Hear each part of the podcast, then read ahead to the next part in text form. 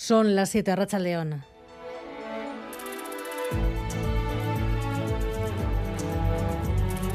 Gambara con Arancha García. 7 de la tarde, 29 de marzo, y la playa de Ereaga prácticamente llena. Maya Zabala, Racha León. A Rachaldeón, así es, 28 grados y ambiente veraniego en estos momentos en la playa de Ereaga, en Guecho. Y es que parece una tarde de agosto, porque a esta hora la gente todavía está en bañador y no tienen mucha intención de moverse. Han sido muchos los que se han acercado a la playa a pasear, a hacer deporte o simplemente comer un helado después de una jornada de trabajo. Esto es lo que nos han dicho. Como hacía mucho calor, pues hemos dicho, pues vamos a la playa y, no sé, pasar la tarde y hacer algo. No Pues nada, ir a la playa y un poquito ponernos al día entre todas. Venir a pasar una tarde agradable, tomar el sol. El agua está súper. Me metí varias veces al agua. Sí, está súper agradable. Y con esa temperatura, pues nos estamos comiendo un helado de mango y chocolate.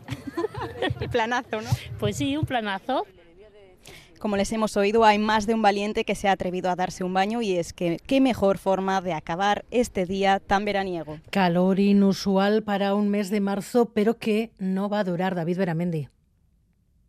Mini verano sí, pero con temperaturas récord para un mes de marzo en muchos puntos de Euskadi. En Vizcaya y Guipúzcoa desde el año 2000 nunca se habían medido temperaturas tan altas. Onince Salazar, Euskalmet. Máxima más alta desde el año 2000 en marzo, para un mes de marzo, en algunas zonas de la vertiente cantábrica. Sodupe, en Sestao, la estación de Galindo, en Punta Galea, en Lasarte, Aizarnazábal, Derio también. Estamos con aire cálido que procedente del norte de África, una temperatura alta que poco a poco va a ir descendiendo. Bilbao ha rozado los 30 grados, Donostia se ha quedado en 28, Pamplona en 25 y Vitoria en 24. Lo dicho, el calor se va, mañana ya 5 grados menos y para el fin de semana lluvia y frío. El viernes ya por la tarde es cuando se va a empezar a dar el cambio. Entrará el viento del noroeste y con él llegarán nubes, llegará lluvia y llegarán unas temperaturas más bajas. Hablamos el sábado de unas máximas en torno a los 13-15 grados y ya el domingo con temperaturas algo más frescas, pues seguramente no, no pasaremos de los 12-13 grados de máxima. ¿Y para Semana Santa qué? Pues aún es pronto, incertidumbre, habrá que esperar.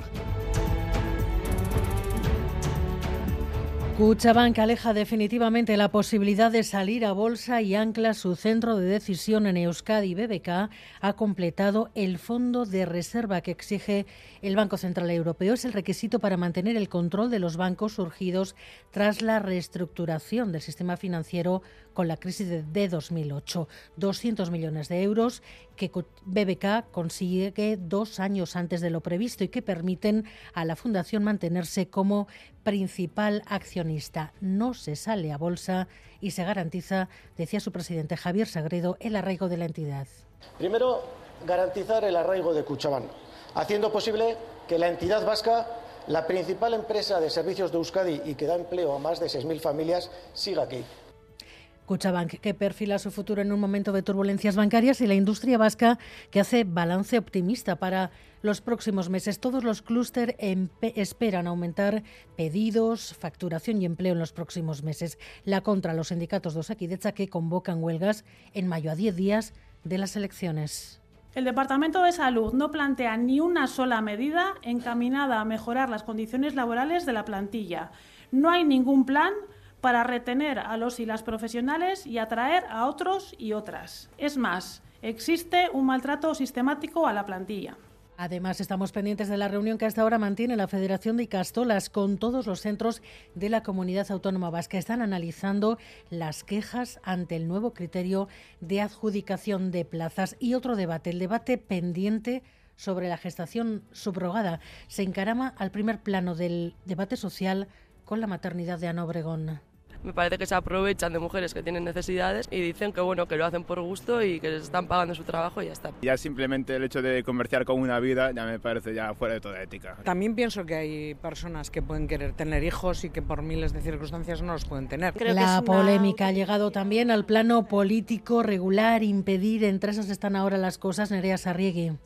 Sí, los socios de la coalición recuerdan que la gestación subrogada es una práctica ilegal en el Estado y que la nueva ley del aborto la recoge como forma de violencia contra las mujeres, pero la ley no evita que se haga en otro país y que después se registre como propio un bebé gestado en el extranjero. Podemos plantea que habría que abrir el debate para cerrar todas las puertas a la subrogación y el PP abre otra, la, la de la posible regulación, siempre eso sí, que no haya contraprestación económica. Y la Iglesia Católica va a tener que pagar dos impuestos municipales de los que hasta ahora estaba exenta. El gobierno español y la conferencia episcopal han llegado a un acuerdo para eliminar ese privilegio con el que se estaban ahorrando unos 16 millones de euros al año. La Iglesia seguirá sin pagar, eso sí, otros impuestos como el IBI o el de sucesiones y los deportes. Alberto Negro, Arrachaldeón. Arrachaldeón, nos quedamos con una noticia de ciclismo debido al excepcional comportamiento del gasteiztarra Oyer Lazcano en la clásica a través de Flandes, donde definitivamente en meta ha ocupado la segunda posición tras pasarse media jornada escapado. El triunfo ha sido para el francés Christophe Laporte, en tanto que en la categoría femenina la victoria ha sido para la holandesa Demi Bollerin.